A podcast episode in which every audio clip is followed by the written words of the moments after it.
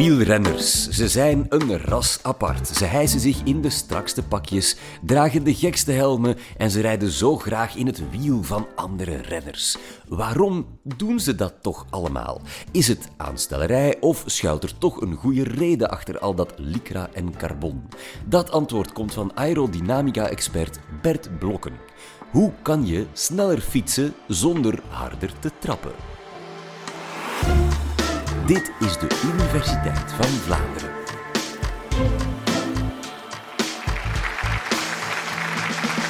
Welkom iedereen. Dat is dus de kernvraag van uh, dit college. Hè. Hoe kan je dus uh, sneller fietsen zonder harder te moeten trappen? Ik ben Bert Blokken en ik ben niet alleen gekomen. Ik heb iemand meegebracht en niet de eerste de beste. Primoz Roglic, de Olympisch kampioen tijdrijden en ook drievoudig winnaar van de Ronde van Spanje. Ik hoorde dat ik dat zelf kon zeggen. Nu, ja, het is niet de echte natuurlijk, dat had je wel al door. Maar het is wel een pop waar we heel veel testen mee doen omdat uh, ja, Primoz zelf niet altijd aanwezig kan zijn natuurlijk. Die moet ook nog fietsen uh, om de broden. Even misschien starten met een voorbeeldje. Stel je rijdt je fiets naar de bakker en uh, er fietst iemand voor jou en die persoon die houdt er een stevig tempo op na. En, en ik kan mooi achter die blijven rijden. Dan zit je eigenlijk wat uit de wind. En dat gaat goed totdat die persoon op een bepaald moment een straat uh, afslaat. En, en je alleen komt te fietsen. En dan voel je plots die, wind, die, die muur van wind op je afkomen. En je merkt, je kan dat tempo niet meer houden. En, en je snelheid daalt. En, en dat is eigenlijk ja, aerodynamica. Dat is waar we het uh, vandaag over gaan hebben. Ik heb eigenlijk ja, de afgelopen zal maar zeggen, 21 jaar mij proberen te specialiseren in aerodynamica. En in Eindhoven eh, heb ik een groot gebouw tot mijn beschikking. Daarin staat een heel bijzonder meetapparaat. We noemen dat een windtunnel. Nu, een windtunnel is eigenlijk een, een grote buis, een groot kanaal, waar we wind in gaan blazen, laten blazen. En dat kan hard, dat kan zacht. Dus dit is een voorbeeld. Dus we laten die wind blazen. Je kunt daar van alles in zetten. Fietsen, vrachtwagentjes. Je kunt er ook mensen in plaatsen. Wielrenners, schaatsers, noem maar op. En dit is eigenlijk de ja, Team Jumbo-Visma van 2017. Toen had het nog een andere naam. En het was toen een beetje het lelijke eentje in het uh, peloton. En het was het minst sterke team, om het uh, zacht uit te drukken. Maar uh, ja, ik denk dat jullie misschien wel weten dat intussen het lelijke eentje een heel mooie zwaan is geworden. Een van de beste teams ter wereld. En dat is natuurlijk te danken aan toppers zoals Wout van Aert, Primoz Roglic en anderen. maar ook aan heel veel mensen die heel veel tijd en moeite hebben geïnvesteerd in dat traject. En ook een beetje aan de aerodynamica en aan de testen die we in onze windtunnel doen. Nu, wat is aerodynamica? Dat komt eigenlijk van het Grieks. Aero slaat op lucht en dynamica is beweging. Dus het gaat om de beweging van de lucht. En als er lucht beweegt, ontstaan er meestal krachten, objecten. Ehm, en dat noemen we dan luchtweerstand. Nu, wat is luchtweerstand? Een voorbeeldje met dat boek. Stel, ik hou dat boek stil, het waait hier niet. Dan is er geen luchtstroming rond dat boek. Er is ook geen kracht op dat boek. Luchtweerstand nul.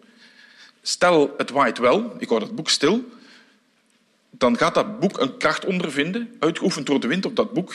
En dat boek heeft dus een luchtweerstand. Stel, het waait niet, maar dat boek gaat zelf bewegen, dan is er ook relatieve verplaatsing van lucht rond dat boek en dan is er ook luchtweerstand.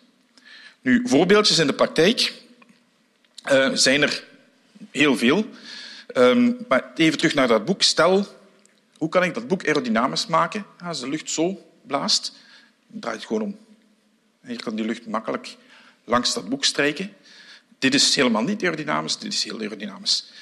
Uh, je ziet het dagelijks leven ook, ja, wat is aerodynamisch? Bijvoorbeeld een vliegtuigvleugel. Wat is niet aerodynamisch? Een muur, een gevel. Een gebouw is een zeer niet aerodynamisch uh, voorwerp. Hetzelfde kun je eigenlijk gaan stellen met de fiets. Ik heb hier een smurf meegebracht. Dat moet uh, een uh, wielrenner voorstellen. Stel, die staat stil en het waait niet, geen luchtweerstand. Die staat stil en het waait, wel luchtweerstand. Of het waait niet of het waait wel, die persoon begint te trappen, die gaat bewegen. En dan ontstaat er dus uh, effectief luchtweerstand. En daar is ook een animatie van gemaakt. Dus wat zie je in die animatie? Aan de linkerzijde dat zijn luchtsnelheden in kleuren weergegeven. Dat is eigenlijk je stroomleiding. Uh, maar het figuurtje of de animatie aan de rechterkant is relevanter. Daar zie je een grote rode vlek en een grote blauwe vlek. Nu, die grote rode vlek is overdruk voor jou, doordat je een fiets bent, en die duwt je achteruit. Die blauwe vlek is zuiging, is onderdruk, en die zuigt je achteruit. En die twee werken samen en die werken tegen jou. Die gaan jouw beweging proberen te stoppen of proberen te vertragen. En, en dat samen met de wrijving van de lucht rondom je lichaam is eigenlijk luchtweerstand. Dus wil jij sneller gaan fietsen zonder harder te moeten trappen, dan moet je ervoor zorgen dat die rode vlek en die blauwe vlek een stuk kleiner worden. Nu, je weet natuurlijk allemaal dat wanneer je sneller wilt gaan fietsen, dan moet je meer moeite doen, over het algemeen. En naarmate je harder begint te trappen, ga je dan ook merken dat ja, die luchtweerstand die moet overwinnen, dat die toeneemt. Dus je moet meer moeite doen en moeite wordt soms uitgedrukt uh, als vermogen in watt. In het vakjargon, of de professionele wielrennen noemen dat vaak wattage.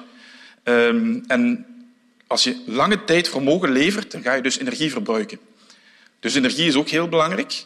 Daarom dat wanneer je een lange fietstocht gaat maken, of wielrenners zitten in een wedstrijd, dan moeten ze voortdurend eten.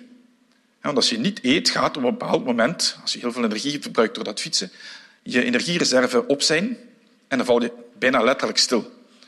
Het is een leuk experiment om zelf eens te doen. Probeer eens 120 kilometer te fietsen zonder eten. Je gaat merken dat je op een bepaald moment misschien nog maar 10 kilometer per uur kan rijden of, zelfs niet meer dan dat. Um, voorbeeldjes van hoe je sneller kan fietsen zonder hard te trappen. Een extreem voorbeeld. En dat zijn een paar uh, voorbeelden uit de oude doos. Uh, de eerste is een beeld, een foto van uh, 1894. Toen kende men het concept luchtweerstand en aerodynamica al. Heel oude foto van een man op een motorfiets en daarachter zit nog iemand op die fiets en dan een windscherm en daarachter zit de fietser. Mooi uit de wind en die kan dan heel snel fietsen. Zo een ander voorbeeldje, iets radicaler zelfs, 1899, dus ook heel lang geleden. Iemand die achter een trein fietst. Natuurlijk massaal, op, massief obstakel dat uh, die, uh, die fietser uit de wind zet.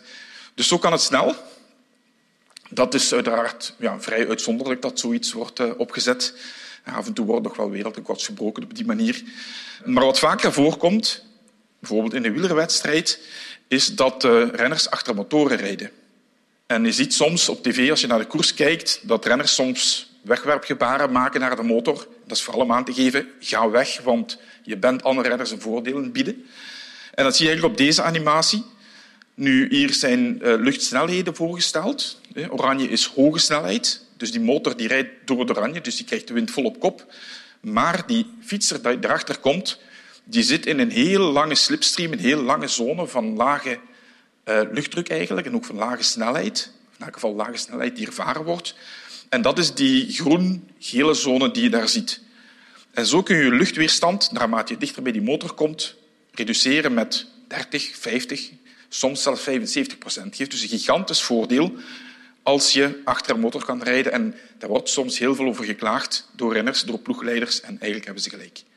Wat vaker voorkomt, dit komt, ah, telkens wanneer het voorkomt is het eigenlijk een keer te veel, maar wat vaker voorkomt is uiteraard dat je achter andere uh, mensen rijdt. Bijvoorbeeld als je met vrienden gaat rijden, gaat fietsen. Maar ook uiteraard in een wielerwedstrijd. Wat je hier ziet is opnieuw de stroomleiding. Dus de renner bovenaan die rijdt alleen en die heeft dan 100 procent zeggen, van de luchtweerstand. Maar als je met twee gaat rijden, dan heeft die tweede nog maar 59 procent van die luchtweerstand. Dus dat is een aanzienlijk voordeel. Um, en dat zie je eigenlijk ook, want achter die ene renner zie je weer die zone met groene en gele kleuren.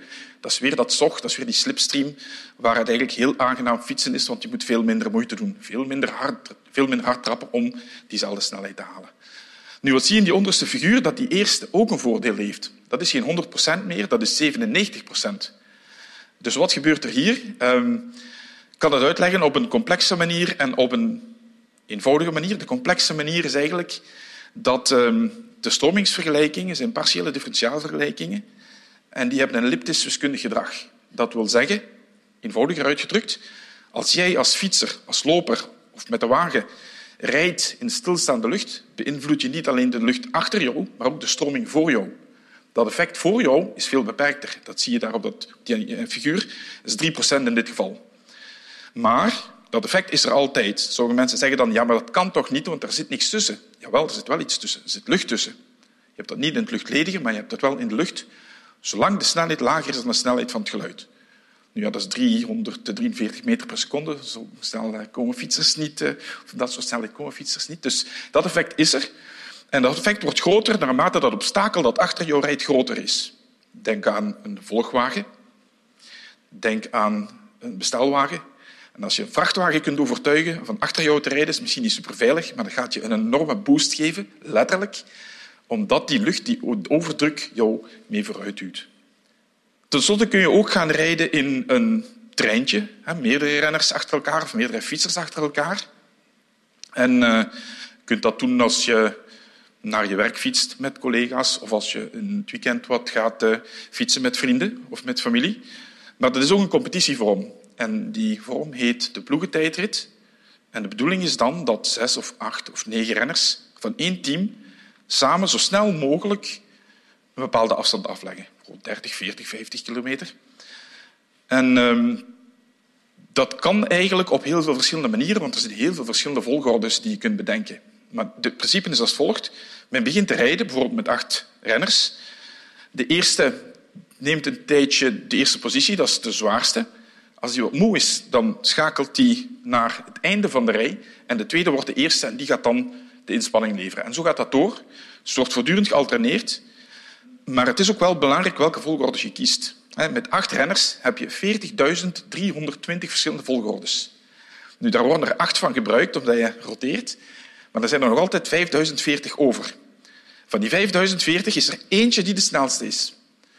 En het is dan eigenlijk de kunst om die proberen te bepalen. En dat hebben we in 2019 gedaan voor de Ronde van Frankrijk met eh, Team Jumbo-Visma, met Wout van Aert erbij en eh, veel andere toppers. En, en, dat was een van de vele redenen waarom ja, we toen Team Ineos hebben verslagen met 20 seconden in die ploegentijdrit. Dus bij zo'n ploegentijdrit komt enorm veel kijken en het is dan eigenlijk maar één puzzelstukje van ja, die hele puzzel die die tijdrit is. Nu, het extreme geval van luchtweerstandreductie is wanneer je gaat fietsen in een peloton. Dus een heel grote groep. En uh, dan neem ik even de smurf erbij. We hebben zo 121 smurfen laten maken. Dat zijn dan wielrenners die allemaal naast elkaar in een peloton. En dan kun je meten wat de luchtweerstand is in de windtunnel op elk van die rennertjes. We doen dat niet op ware grootte, omdat de windtunnel niet groot genoeg is om daar 121 echte mensen in te zetten, of van dit soort poppen. Dus we maken er kleintjes van. En wat je ziet in die animatie achter mij, is een bovenaanzicht, helikopterzicht als je wil, van 121 wielrenners die rijden in stilstaande lucht, waarbij de eerste, helemaal vooraan, aan de linkerzijde, die zit vol in de wind, maar alle anderen zitten gedeeltelijk uit de wind. En als je helemaal achteraan zit, of bijna achteraan, in het midden, in die blauwe zone, dan zit je heel erg uit de wind en dan kan je luchtweerstand teruglopen tot 5 à 10 procent van de renner die alleen rijdt. Dus dat is wat het extreme eh, van wat je kunt uh, winnen in uh, luchtweerstandsreductie zonder met treinen en vrachtwagens en andere dingen te gaan werken. Oké, okay, tenslotte, als je dan alleen fietst, wat kun je dan doen? Want dat gebeurt uiteraard ook. Um, dan kun je denken aan je positie. Je kunt platter op de fiets gaan liggen. Het wordt in deze animaties getoond. De eerste links is relatief rechtop. De tweede is veel meer voorovergebogen. En de derde zit eigenlijk op een tijdrit dat lijkt een beetje op onze vriend eh, Primos hier. Als je die tijdrit in het wereldkampioenschap in Knokke en uh, Vlaanderen gaat rijden in die derde positie en ga ervan uit dat je 450 watt kunt leveren, dat is nogal wat, dan kan je echt wel mee in het professionele peloton, dan doe je daar 51 minuten en 55 seconden over. Gebruik je die middelste positie, ook aerodynamisch, maar geen tijdrit en geen tijdritpositie uh, en geen tijdritfiets, uh, dan is dat 1 minuut en een veertigtal seconden meer Doe je dat in die eerste positie, dan heb je vier minuten en vier seconden meer. Nu, dat lijkt misschien weinig, maar dat betekent dat je die ja, top drie positie dat je die kunt vergeten, misschien zelfs top 20. En dus het gaat soms om seconden, soms zelfs om fracties van een seconde. Nu, wat zijn andere mogelijkheden? Materiaal, een goede tijdritfiets, tijdritstuur, goede wielen, is heel veel mee te winnen. Een uh, tijdritpak, die, die pakken worden ook ontworpen om altijd maar sneller te kunnen gaan. Tijdrithelm, Ehm, ik zie dat Primos zijn, zijn kousen heeft vergeten. Maar uh, sokken, uh, aerodynamische sokken, ook heel belangrijk. De sokkenmeter van de UC bestaat voor een, voor een zeer goede reden. En hoe langer die sok, hoe meer voordeel. Uh, dus noem maar op, heel veel verschillende dingen. Ehm, er zijn aerodynamische drinkbussen, platte drinkbussen met een, met een profiel. Je kunt er zo gek niet bedenken of er is ooit iets voor uitgevonden.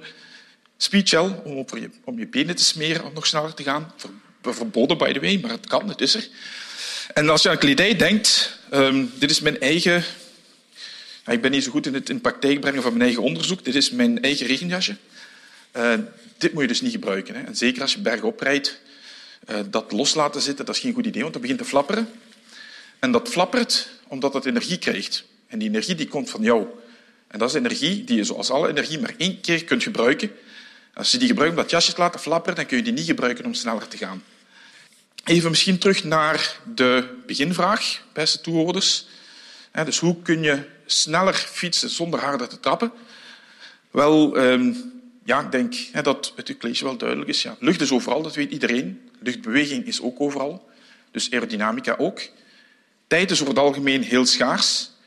Dus als je naar je werk wilt fietsen, of je gaat gewoon een eh, rondje fietsen met vrienden, of je gaat naar de bakker, ehm, en je wilt het iets sneller doen, dan kun je misschien een paar tips van dit college gebruiken. Voilà, we zijn weer helemaal mee in de wonderwereld van de wielrennerij. Als je ook nog wil weten hoe je lang kan blijven fietsen zonder uitgeput te raken, moet je eens naar het college van Bert op het einde luisteren. Fiets even langs op aflevering 369. Heel graag tot een volgende keer.